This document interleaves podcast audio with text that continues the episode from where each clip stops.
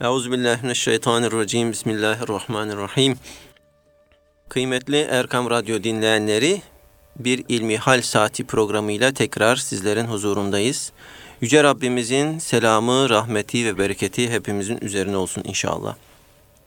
Ben Deniz Basri Çalışkan. Sizlerden bize gelen soruları pek muhterem hocam Doktor Ahmet Hamdi Yıldırım'a sizlerin adına soruyorum ve kendisinden cevapları elhamdülillah alıyoruz. Muhterem hocam bize ulaşan sorularımızdan ilki şöyle. Osmanlı ecdadımızın gayrimüslimlere din serbestisi tanıdığını biliyoruz. Ancak kiliselerin camiye dönüştürülmesini dini bir fetva ile mi gerçekleştirmişler yoksa idari bir tasarruf mudur? diye sormuş dinleyenimiz. Elhamdülillahi Rabbil alemin ve salatu ve selamu ala Resulina Muhammedin ve ala alihi ve sahbihi ecmain. Teşekkür ederim Basri Hocam. Zat halleriniz yoruluyor, sorular arasında seçmeler yapıyor ve cevaplandırmaya çalışacağımız, gayret edeceğimiz soruları arz edip çıkartıyorsunuz. Ve onları yönlendiriyorsunuz. Bunun için size ne kadar teşekkür etsek arzdır. Estağfurullah. Şimdi değerli dinleyenimizin sorusuna cevap verme sadedinde önce şu bilgiyi vermemiz gerekiyor. İslam'da ana prensip litekune kelimetullahi hiyel ulya yeryüzünde Allah'ın sözünün egemen olması, Allah'ın dininin hüküm ferma olmasıdır. Bunun için bütün Müslümanların gayret etmesi, çaba sarf etmesi, bu noktada yapılması gerekenleri yapma mecburiyeti vardır. Cihat da Allah için yapılan savaş, çaba, gayret, uğraş temelde insanlara Allah'ın dinini öğretmek ve yaymak üzere yapılır. Binaenaleyh eğer bir belde ahalisi, bir şehir halkı, bir memleketin idaresi, Müslümanların bir memlekete girip Allah'ı, dini, İslam'ı anlatmalarına mani olacak olurlarsa, bu engeli kaldırma adına gerekli olan her türlü mücadele verilir. Bu sadetten olmak üzere İslam orduları bir şehri kuşattıklarında, bir şehri fethetmek üzere kapıya geldiklerinde içeriye, içeride bulunan gayri İslami idareye, gayrimüslim ahaliye bir elçi gönderirler. Gönderdikleri bu elçi şu üç tekliften birini kabul etmelerini ister. Ya bizim gibi Müslüman olun, kardeş olalım. Canınız, malınız, her şeyiniz bizim canımız, malımız, her şeyimiz gibi eşit olsun, mukaddes olsun, hürmete layık, saygıya değer hale gelsin derler.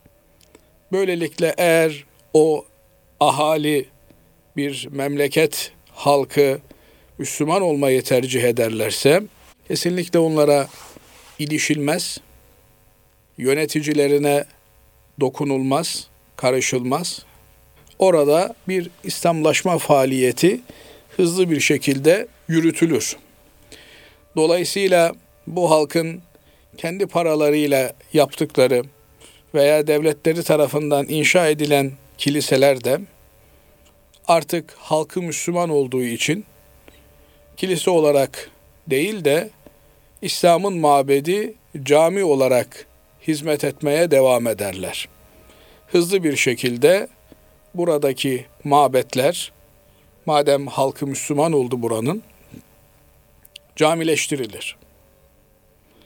Binaenaleyh böyle bir durumda halk isteyerek arzu ederek gönülden İslam'ı kabul ettiği için yine kendi inşa ettikleri, yaptıkları bu kiliselerde onlar tarafından camiye tebdil edilir, tahvil edilir, çevrilir. Gelen elçinin sunacağı teklifler içerisindeki ikinci şık, eğer Müslüman olmak istemiyor, kendi dininizi yaşamaya devam etmek istiyorsanız, bizim idaremizi kabul edersiniz. Biz size din hürriyeti tanırız. Canınıza, malınıza, çoluğunuza, çocuğunuza dokunmayız.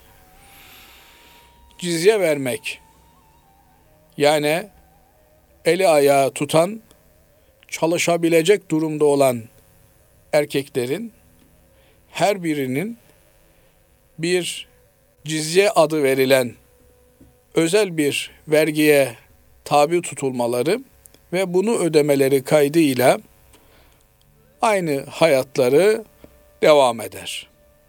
İdare Müslümanların elinde olur ama onların yaşantılarına, hayatlarına karışılmaz. Bir protokolle, bir emanla, bir sulhle şehir zaptu rapt altına alındığı için onların mabetlerine ilişilmez. Kiliselerine dokunulmaz. Havralarına dokunulmaz. İbadet hanelerine karışılmaz. İbadet hanelerinden içeriye girilmez. Evet. Dolayısıyla onlar kiliselerini, ibadet mekanlarını eskide olduğu gibi kullanmaya devam ederler. Evet. Bu da ikinci şık olarak burada bulunan İslam olmayan, Müslüman olmayan halka, ehaliye sunulur. Üçüncü bir şık da eğer baştaki bu iki şıkkı kabul etmezseniz sizinle savaşırız. Bu savaşın neticesinde eğer galip gelir, şehri zapt edersek o zaman savaş hukukunun gereği yapılır. Evet. Savaş hukukunun gereği nedir? Savaş hukukunun gereği dediğimiz şeyde altın kural mukabeleyi bilmisildir. Yani devletler yaptıkları savaşlarda galip gelmeleri neticesinde ne tür hukuku uyguluyorlar ise biz Müslümanların aleyhine uygulanan, Müslümanlara karşı uygulanan hukuk ne ise biz de sizlere karşı aynı hukuku uygularız. Şu kadar var ki bizim sizlere karşı uyguladığımız hukukta zulüm olmaz. İnsani ilkelerden taviz verilmez. Mesela özellikle de gerçi bugün değişen bir şey var mı? Daha beteri var da daha iyisi yok. Evet. Şimdi şehirler yakılıp yıkılmıyor mu? Evet. Eskiden çırayla yakılıyordu, meşaleyle yakılıyordu, yağ dökülüyordu sağa sola. Böylelikle şehirler imha ediliyordu. Şimdi teknoloji gelişti ama gelişen bu teknoloji insanlığa karşı gelişti. İnsanlığın namı hesabına gelişti. Teknoloji gelişirken insanlık geriledi. Bir bomba atıyorlar, her tarafı yakıp yıkıyorlar. Hakile yeksan ediyorlar. Efendim sanki attıkları gülmüş gibi, çiçekmiş gibi de ondan sonra muamele yapmaya başlıyorlar. Bir Müslüman gelişi güzel bir yeri bombalayamaz. Dolayısıyla bu bombardıman uçaklarının, atılan bombaların, yapılan bu vahşi savaşların dinen nerede oturduğu çok tartışılacak bir mevzudur. Bu kodunun üzerinde ciddi ciddi durulması gerekiyor. Mamafi sorumuza dönecek olursak Evet. şimdi ne diyordu sevgili dinleyicimiz dinde zorlama olmadığına göre Evet. fethedilen yerlere İslam hoşgörüyü, merhameti götürdüğü halde buradaki kiliseler hangi usul, hangi esas çerçevesinde camiye tahvil edilmiştir? Evet. Herhalde de sordukları İstanbul'daki meşhur Ayasofya Evet hocam. ibadethanesinin camiye dönüştürülmesi, tahvil edilmesi meselesi. Şimdi bu üç teklifin içerisinde Fatih Sultan Mehmet de biliyorsunuz Gazi ünvanıyla meşhurdur. Gazi Sultan Mehmet Han Hazretleri diye anılır. İstanbul'un fethinden önce elçiler gönderir. Der ki sulh ile şehri bize teslim edin der. Eğer sulh ile teslim ederseniz canınıza, malınıza, ırzınıza, efendim mabetlerinize, ticaretinize, hiçbir şeyinize el konulmayacaktır der. Ama eğer sulh ile teslim etmezseniz savaş olur.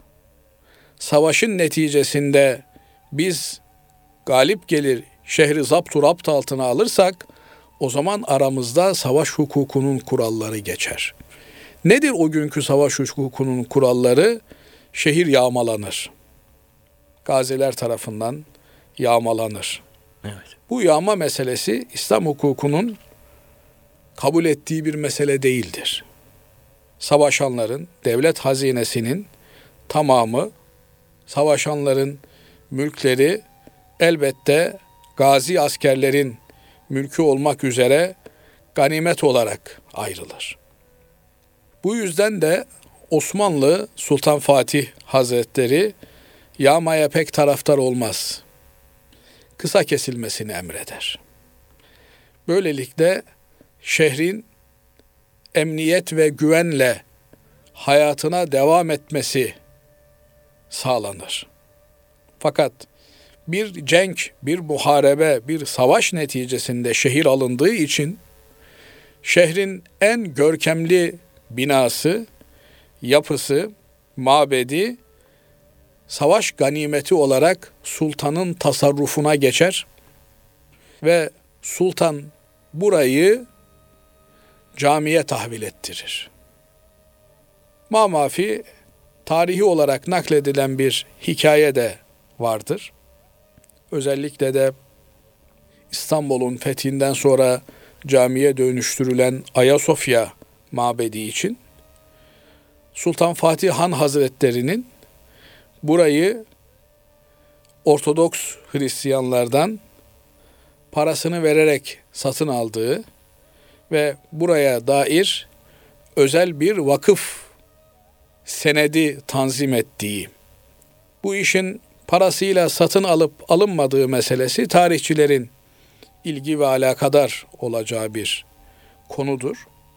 Ama öyle veya böyle ganimet hukuku açısından o günün geçerli olan savaş hukuku ve mutakabiliyet esasları çerçevesinde mer'i olan anlayışa göre, hukuka göre en büyük mabedi sultanın payı hissesi olur. Sultan burayı camiye çevirtir. Biliyorsunuz salı günü fetih tamamlanmıştır. Cuma gününe üç gün içerisinde cuma namazı kılınacak hale getirilir Ayasofya mabedi ve ilk cuma namazı kılınır. Burayı vakıf olarak tanzim eder Sultan Mehmet Han Hazretleri. Evet. Bu vakfa bir senet yazar. Bütün vakıflarda olduğu gibi bu vakıfların vakfedicisi vakıfı neyi öngörmüşse o amaç, o hedef çerçevesinde kullanılması gerekir. Burayı Sultan Fatih Hazretleri cami olarak vakfettiği için cami dışında herhangi bir amaç ile kullanılması asla helal olmaz. Haramdır. Allah'a isyandır. Allah'ın, meleklerin ve bütün insanların lanetini doğuran, getiren, gerektiren bir cinayettir. Bakın geçen yine bir yerde Bursa'da hamam olarak vakfedilmiş bir yeri zerzavatçıya kiraya vermişler. Bilmem kime kiraya vermişler. Evet. Burayı yaptıran adam hamam olarak yaptırmışsa, hamam olarak işletilmek üzere buraya gayrimenkuller rapt etmiş, vakfetmiş ise aynı maksada uygun olmak üzere. Efendim artık bedava hamam mı olur? Sana ne kardeşim? Olur olmaz. Adam yapmış. Ve yine bedava hizmet vermek üzere vakıf olarak işletilmesi gerekir. Ben bütün bunları kiraya vereyim.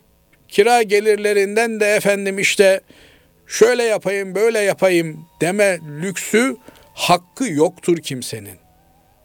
Evet. Sen kiraya verip gelirlerini kullanmak istiyorsan babandan kalan malı kiraya ver, onun gelirlerini istediğin gibi kullan. Ama adamcağız bir vakıf yapmış ve demiş ki bu vakıfta okuyacaklar bedava okuyacaklar. Bu hastane vakıf hastanesidir. Burada tedavi olacak olanlar bedava olacaklar.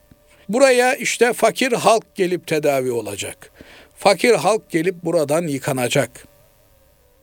Bunlardan ücret alınması bu hizmetlerin kuruluş gayeleri dışında bir yere hizmet edecek şekilde düzenlenmesi caiz değildir. Bunun en acı örneği Ayasofya mabedidir. Ayasofya camisidir. Evet. Ayasofya Sultan Mehmet Han Hazretleri'nin özel vakfı olmak ve özel bir senetle tanzim edilmek suretiyle ilelebet cami olarak vakfedilmiştir. Sen eğer başka bir amaçla bir bina dikmek istiyorsan kendi parandan yap. Evet. Müze yapmak istiyorsan kendi parandan yap. Ne hakla? Hangi gerekçeyle İstanbul'u İstanbul yapan, Müslümanlara hediye eden, Türk halkına armağan eden bir padişahın özel vakfını amacı dışında kullanabilirsin. Bu yetkiyi, bu salahiyeti kimden alıyorsun? Dolayısıyla tekrar sorumuza dönecek olursak Basri Evet. Hocam, eğer fetholunan bir yer, İslam'a açılan, İslami çağrıya açılan bir yer, halkının rızasıyla, Müslüman olmalarıyla fetholunmuş ise onlar kardeşlerimizdir. Bizim hukukumuz onların hukukudur. Onların hukuku bizim hukukumuzdur. Haliyle Müslüman olduklarına göre sahip oldukları mabetler de otomatik olarak onlar tarafından camiye tahvil edilir, çevrilir. Eğer sulh yapmış isek, bir sözleşme yapmış ve bu sözleşme gereği olarak onların dinlerine, diyanetlerine, iç hukuklarına karışmayacağımız taahhüdü vermiş isek, o zaman buraların idaresi Müslümanların eline geçer. Buradaki gayrimüslim halk cizye vermek suretiyle bir tür vergi vermek ve bu verginin karşılığında da efendim İslam devletinden bir takım hizmetleri meccanen alma, mesela güvenlik gibi, savunma gibi hizmetleri meccanen alma hakkına sahiptirler. Nitekim bugün çok konuşulan Rakka diye bir mıntıka, bir bölge var. Suriye toprakları içerisinde bugün. Evet. Biliyorsunuz bölge Haçlı seferlerine çok yoğun olarak maruz kalmış bir bölgedir. Bir Haçlı seferi sırasında Müslümanlar Rakka'daki gayrimüslimleri toplarlar ve derler ki sizden aldığımız bu seneki cizyeleri geri ödüyoruz size. Çünkü biz bu cizyeyi sizden sizi koruma karşılığında satın almıştık. Evet. Bu cizyeyi sizden sizi koruma karşılığında vergi olarak almıştık. Ama bugün bizim sizi koruma imkanımız kalmadı. Şehri terk edip ricat etmek, geriye müdafaa hattına çekilmek durumundayız. Gelenler de zaten sizin dindaşlarınız olduğu için, onlar da sizin gibi Hristiyan olduğu için sizlere zulüm yapmazlar, katliam yapmazlar diye ümit ediyoruz. Fakat sizden aldığımız sizi korumamıza, size karşı saldırıları bertaraf etmemize mukabil aldığımız vergiyi size iade ediyoruz derler. Tarihen bu sabit gerçek bir hadisedir. Oradaki Hristiyanlar da hayır derler. Siz neyseniz biz de oyuz. O gelenler evet bizim dindaşımız gibi gözüküyorlar ama onlar barbarlı haçlılardır. Onlar bize merhamet etmezler. Siz nereye gidiyorsanız biz de sizinle beraber geliyoruz derler. Bir başka numune de bununla ilgili. Az önce sözünü ettik Müslüman orduları bir şehre gittiğinde içeriye bir elçi gönderirler ve fetholunacak beldenin, şehrin, memleketin ahalisine üç tekliften birini kabul etmelerini isterler. Fakat Semerkant biliyorsunuz bugün Özbekistan toprakları içerisinde önemli bir şehirdir. Evet. Semerkant fetholunurken oradakiler hazırlıksız yakalansın diye İslam orduları ansızın saldırırlar ve Semerkant'ı fethederler. Fakat Semerkant'takiler nereden öğrenirlerse böyle bir usul olduğunu öğrenirler ve Hazreti Ömer Efendimiz'e elçi gönderirler. Derler ki bu topraklar fetholunurken usule aykırı davranıldı. Bize böyle bir teklifte bulunulmadı. Şayet böyle bir teklifte bulunulmuş olsaydı biz ona göre bir tavır takınırdık derler. Bunun üzerine Hazreti Ömer Efendimiz bir fermanla komutana üç satırlık bir mektupla ulaşır ve der ki derhal şehri asker terk etsin. Asker şehrin dışına çıkar, şehir dışında savaş vaziyeti alır, pozisyonuna geçer ve içeriye usulüne uygun elçi gönderirler. Semerkantliler de akıllı insanlar, biz de sizin gibi Müslüman olduk derler. Böylelikle canlarını, mallarını, bütün e, emlaklarını korurlar ve de hakikaten tarihte örneği görülmemiş, emsali görülmemiş hizmetler yaparlar. İşte İmam Bukhariler, İmam Müslimler, birçok İslam hukuku alimi, hatta İmam Maturidiler, İslam akidesinin köşe taşlarından biri olan Muhammed Maturidi Hazretleri bu bölgeden yetişirler. Dolayısıyla eğer bir bölgeye Müslümanlar anlaşmayla girmişlerse kiliselerine dokunmazlar. Ama savaşla girmişlerse, bir bedel ödemişlerse o günün hukuku o beldenin, o memleketin en önemli mimari eserleri camiye tahvil edilmiş. Efendim kraliyet ailesinin sarayları Müslüman idarecilerin emrine geçmiş olur. Dolayısıyla İslam beldelerinde Hristiyanlardan kalma kiliselerin camiye çevrilmesinin ardında arkasındaki hikmet budur. Buralar savaşla fetholunduğu için de dikkat ederseniz bazı Selahattin camilerinde yani eski camilerimizde hala bu gelenek devam eder. Kılıçla hutbe okunur buralarda. Evet. Eğer kılıç bulunmazsa asa ile hutbe okunur. Yani burada sul, sükunet kılıçla sağlanmıştır. Bu topraklara İslamiyet'in nurunun girmesi bir bedel karşılığında olmuştur. Bugün de değişen bir şey yok. Güçlüyseniz evet. götürecek bir şeyleriniz oluyor. Bugün insanları demokrasiyle avutuyorlar. İşte diyorlar biz Irak'a demokrasi götüreceğiz. Onun için oraya savaş ilan ettik. Efendim Suriye'ye demokrasi götüreceğiz. Onun için oraya savaş ilan ettik diyorlar. Ama ne gelen var ne giden sadece yıkım, gözyaşı, yokluk ve insanlık dışı bir ortam, bir bataklık ortamı.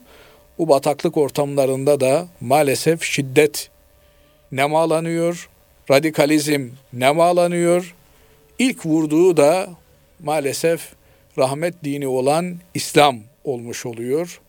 Bu yüzden Müslümanların acilen kendilerine gelmesi ve Müslüman dünyayı sahipsiz bırakan bu oyunlara karşı birlik ve bütünlük sergilemelidir. Rabbim hepimize imdad eylesin. Amin. Muhterem hocam dinleyicilerimizden şöyle bir soru bize ulaşmış. Demiş ki dinleyenimiz 1 Ocak 2017'de hayata geçecek olan zorunlu bireysel emeklilik sistemi caiz midir? Burada da ayrı bir garabet söz konusu. Yani bireysel emeklilik sistemi için maaşlardan kesinti yapılacak demek ki. Evet hocam. Yani verdiğim maaş yetiyor ve artıyor. Artan kısmından da ben kesinti yapacağım diyor devlet. Eğer verdiği maaşın yettiğini düşünüyorsa ahe arttığını düşünüyorsa verdiği maaşın böyle bir kesinti yapması doğru.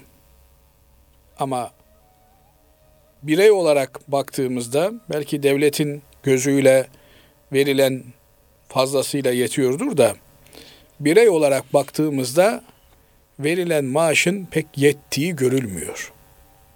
Dolayısıyla bugün ihtiyacını karşılayamayan adama sen paranı yatır, bu nemalanacak, yarın rahat edeceksin.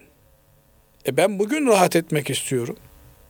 Yarın yaşayacak mıyım, yaşamayacak mıyım belli değil. Evet. Dolayısıyla emekli olup olmamak mukadder mi değil mi onu da bilemiyoruz. Bugünün huzuru varken, bugünün rahat yaşaması varken niye bugün rahat yaşamayı tehir edip de ileride rahat yaşamak, tırnak içerisinde ifade ediyorum öyle bir yaşamak da söz konusu değil. Bir birikime gitme mecburiyeti söz konusu olsun. Bir defa bunlar yanlış uygulamalar. Böyle bir mecburiyet söz konusu olamaz. İnsanlar tasarruf etmiyorlar, ben mecburen tasarruf etmelerini sağlayacağım. Bu tüketim ekonomisi ve buna ilişkin olarak her gün pompalanan tüketim hayatı durduğu sürece bu tür geçici tedbirlerin bir netice çıkartması, meydana getirmesi de mümkün değil. Ama devlet bunu mecburi olarak yaptığı için ben kesiyorum diyor. E kılıç onun elinde. Evet. Kesiyorum derse keser. Ama unutmamak gerekiyor ki İslam'ın egemen olduğu, hakim olduğu dönemde kölelik nizamı mevcut iken köle istihdam eden, köle çalıştırana kölesine yediğinden yedirmesi, giydiğinden giydirmesi emredilmiş. Yani efendi ile kölenin yediği, efendi ile kölenin giydiği aynı kalitede olmak mecburiyetinde. Bugün işverenle işçinin yediği, işverenle işçinin giydiği aynı kalitede mi? Değil. Burada bir garabet var. Yani şöyle bir garabet var. Birileri para benim. Ben istediğim gibi tasarruf ederim. Harcarım. istediğim lüksün ve konforun içerisinde olurum. Kimseye de hesap vermek mecburiyetinde değilim. Türünden bir davranışın içerisinde. Oysa mal da, mülk de, can da, ten de hepimizde birer emanet. Dolayısıyla bu emanetin bilincinde olmamız, şuurunda olmamız gerekiyor. Binaenaleyh devlet olarak asgari geçim standardını insanların bir noktada rahat yaşayabilecekleri asgari bir limiti oluşturmak gerekiyor. Biliyorsunuz sosyal devlet olmanın en önemli ayaklarından biri gelir dağılımındaki adalettir. Evet. Maalesef gelir dağılımındaki bu çarpık açıklık insanlar arasında fitneyi ve anarşiyi körüklemektedir. Oysa servet olarak belki eşitliği sağlamamız mümkün olamayabilir. Ama en azından tüketim eşitliğini getirmemiz ve buna paralel olarak geliri düşük olanların da geliri üst seviyede, yüksek seviyede olanlara göre tüketebilmeleri, ihtiyaçlarını karşılayabilmeleri imkanını sağlamamız gerekiyor. Bunu yapmadan nasıl olsa bunların maaşlarından benim kesinti yapma imkanım var. İstediğim gibi keserim.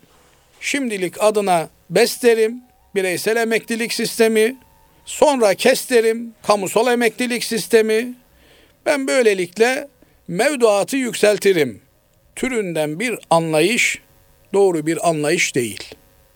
Ama vatandaş olarak da devlet erkine karşı gelme imkanımız olmadığından dolayı devletin bu kesintisini sineye çekiyoruz. Fakat bu kesintiyi yapanlar bu yaptıklarının hesabını öbür tarafta verirler. Yani biz elimizden bir şey gelmiyor diye ses çıkartamıyoruz diye bu yaptıkları ona helal olmaz. Bu tür işlemler iradi olmalıdır. İsteyen istediği gibi tasarrufunda bulunur. Zorla bir tasarruf o adına tasarruf da deseniz tasarruf değildir. Dolayısıyla yetkili ve etkili makamların bu yanlıştan dönmeleri arzumuz ve ricamızdır. Cenab-ı Allah yanlış yapmaktan hepimizi korusun. Amin. Muhammed bin Sirin adlı meşhur rüya tabircisi olan selef alimlerimizden çok büyük bir isim var. Basri Evet. Hocam bu zat diyor ki kabul olunacak bir duamın olduğunu bilsem diyor. Bu duayı müminlerin emiri için yapardım diyor. Çünkü benim yanlışım bir kişinin yanlışıdır diyor. Evet. Benim doğrum bir kişinin doğrusudur diyor.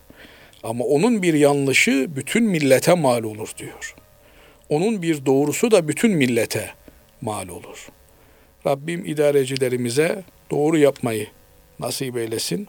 Hak ve hakikat üzere olmayı nasip eylesin. Hak ve hakikat işlerinde ellerinden tutsun, yardımcıları olsun. Amin. Allah razı olsun. Muhterem hocam diğer bir sorumuz şöyle. Allah ismi yerine Tanrı veya Tanrım gibi ifadeler kullanmak caiz midir? Tabi Allah denildiğinde Cenab-ı Allah akla gelir. Cenab-ı Allah'ın varlığının adıdır Allah lafzı, sözcüğü. Binaenaleyh diğer güzel isimleri, güzel sıfatları hem sıfat hem isim manası taşırlar. Rahman Cenab-ı Allah'ın bir ismidir. Çokça merhametli olan demektir. Efendim Rahim Cenab-ı Allah'ın bir ismidir. Özel merhameti olan, hususi merhameti olan demektir. Bunun gibi Esma-ül Hüsna'da geçen e, 99 ismi, yine Kur'an-ı Kerim'de geçen isimleri, sıfatları Cenab-ı Allah'ın mevcuttur. Cenab-ı Allah'ın Kur'an-ı Kerim'de zikretmediği, Hz. Peygamber aleyhissalatu vesselam Efendimizin hadislerinde dile getirmediği bir sıfatla anılması doğru değildir. Yani mesela arkadaş denmez Cenab-ı Allah'a haşa. Çünkü böyle bir ifade ne Kur'an-ı Kerim'de ne Peygamber aleyhissalatu vesselam Efendimizin hadislerinde geçmiyor. Evet. Binaenaleyh Cenab-ı Allah için kullanacağımız sıfatların, isimlerin Kur'an ve hadis menşeli olması gerekiyor. Fakat diller, farklı lisanlar Allah'ın varlığına, birliğine delalet eden ayetlerdir. Bir lisanda Allah manasını karşılayan bir kelime kullanılıyor ise o kelime kullanılabilir. Ama bu Allah lafzının karşılığı olarak değil de ilah lafzının karşılığı olarak kullanılır.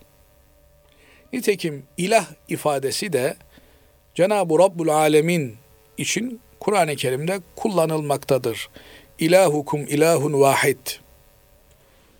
Evet. Sizin ilahınız tek bir ilahtır. Ve ana rabbukum fa'budun. Ben sizin Rabbinizim. Bana ibadet edin. Rab kelimesi, ilah kelimesinin tercümesi olarak kullanılır.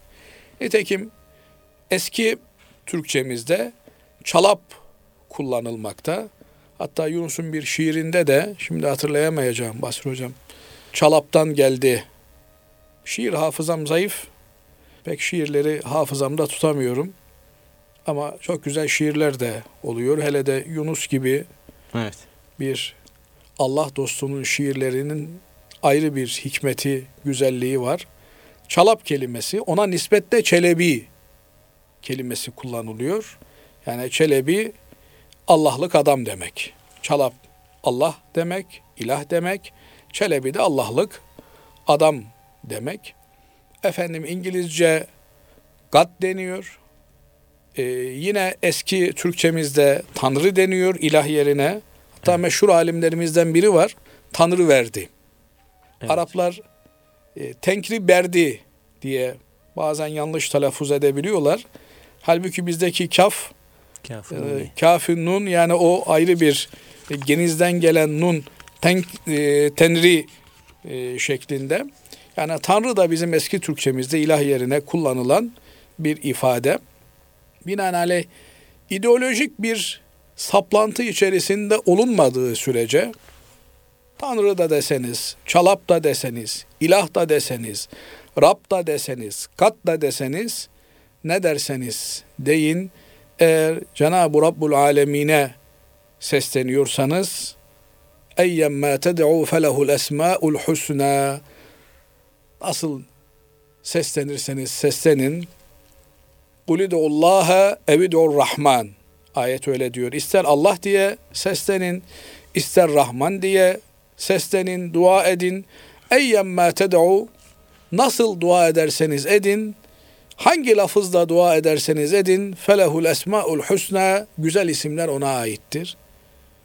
Hoş olan, güzel olan, estetik olan isimler Cenab-ı Allah'a aittir.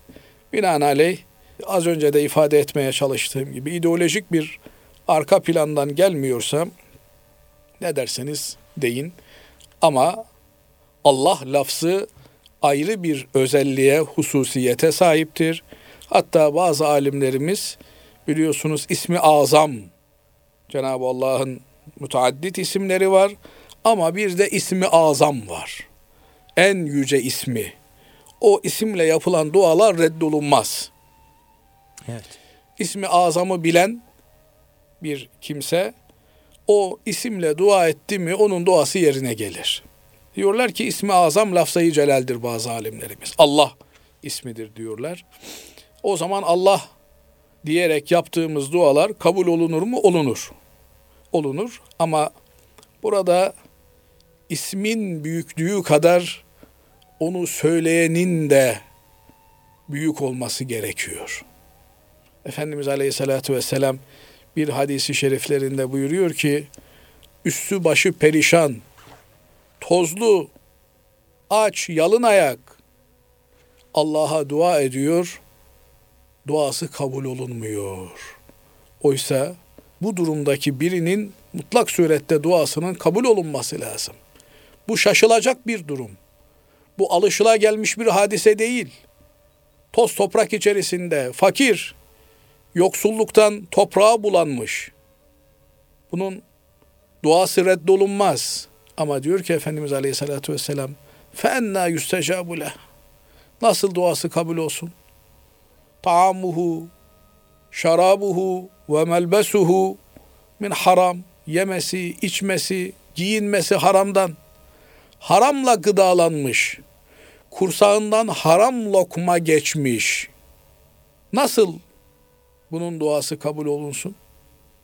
Onun için duanın makbuliyeti için gıdanın helal olması gerekiyor. Yenilenin helal olması gibi yeğilme şartlarının da helal olması gerekiyor.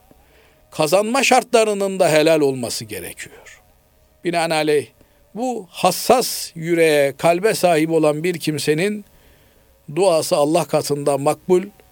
İster Tanrı diye dua etsin, ister çalap diye, ister huda diye dua etsin, ister Allah Azze ve Celle'nin bu özel ismini kullanarak duasında dile getirerek dua etsin, Allah onun duasını kabul eder. Ama eğer vücut haramla beslenmişse, 104 kitabı hatim etse, yine onun sözüne kulak veren, duasına icabet eden bulunmaz. Evet. Diğer bir sorumuz şöyle muhterem hocam. Faizli işlemlerde aracılık etmek ve kefil olmak caiz midir? Efendimiz Aleyhisselatü Vesselam La'anallahu akiler riba ve mukilehu ve şahidehu ve katibehu Faizi işlemi, faizi yiyene de Allah lanet etsin, yedirene de lanet etsin. Adam diyor ya şimdi, ben faiz almıyorum ki, ben faiz veriyorum. Gittim işte faizli kredi aldım, konut aldım, araç aldım. Ben faiz yemedim.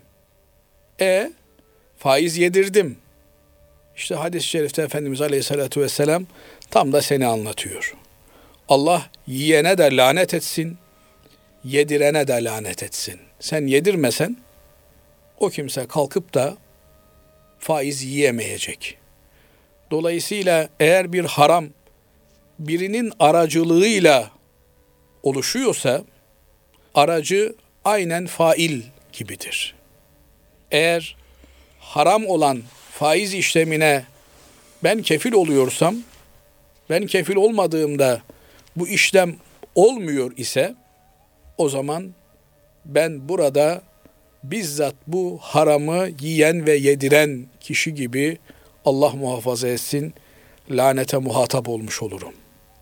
Sadece yiyen, yediren değil, kefil olan da değil, bu muameleye tanık olan, aman burada faizli bir şeyden mi bahsediyorsunuz? Ben kaçar giderim buradan, bu olaya şahit olmam deyip oradan uzaklaşmak gerekir. Ben bunun zabıt katipliğini yapmam.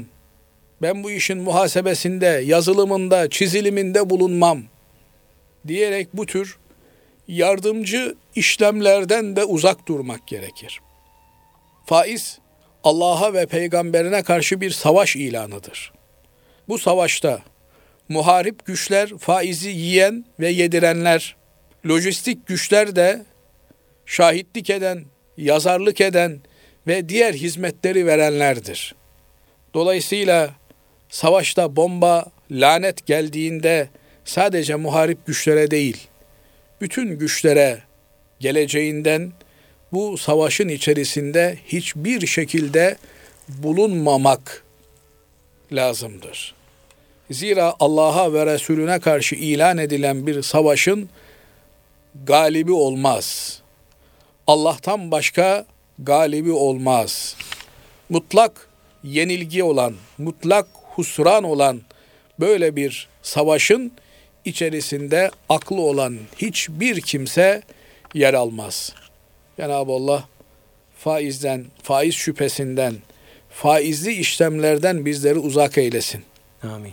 Cenab-ı Allah rahmetini celbedecek, lütfuna, mağfiretine mazhar olacağımız işler içerisinde bizleri istihdam etsin, kullansın.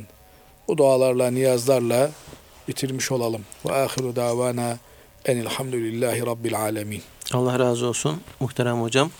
Kıymetli Erkam Radyomuzun dinleyenleri dini sorularını, cevaplarını merak ettiğiniz dini soruları radyomuzun Twitter ve Facebook hesaplarından bizlere ulaştırabilirsiniz.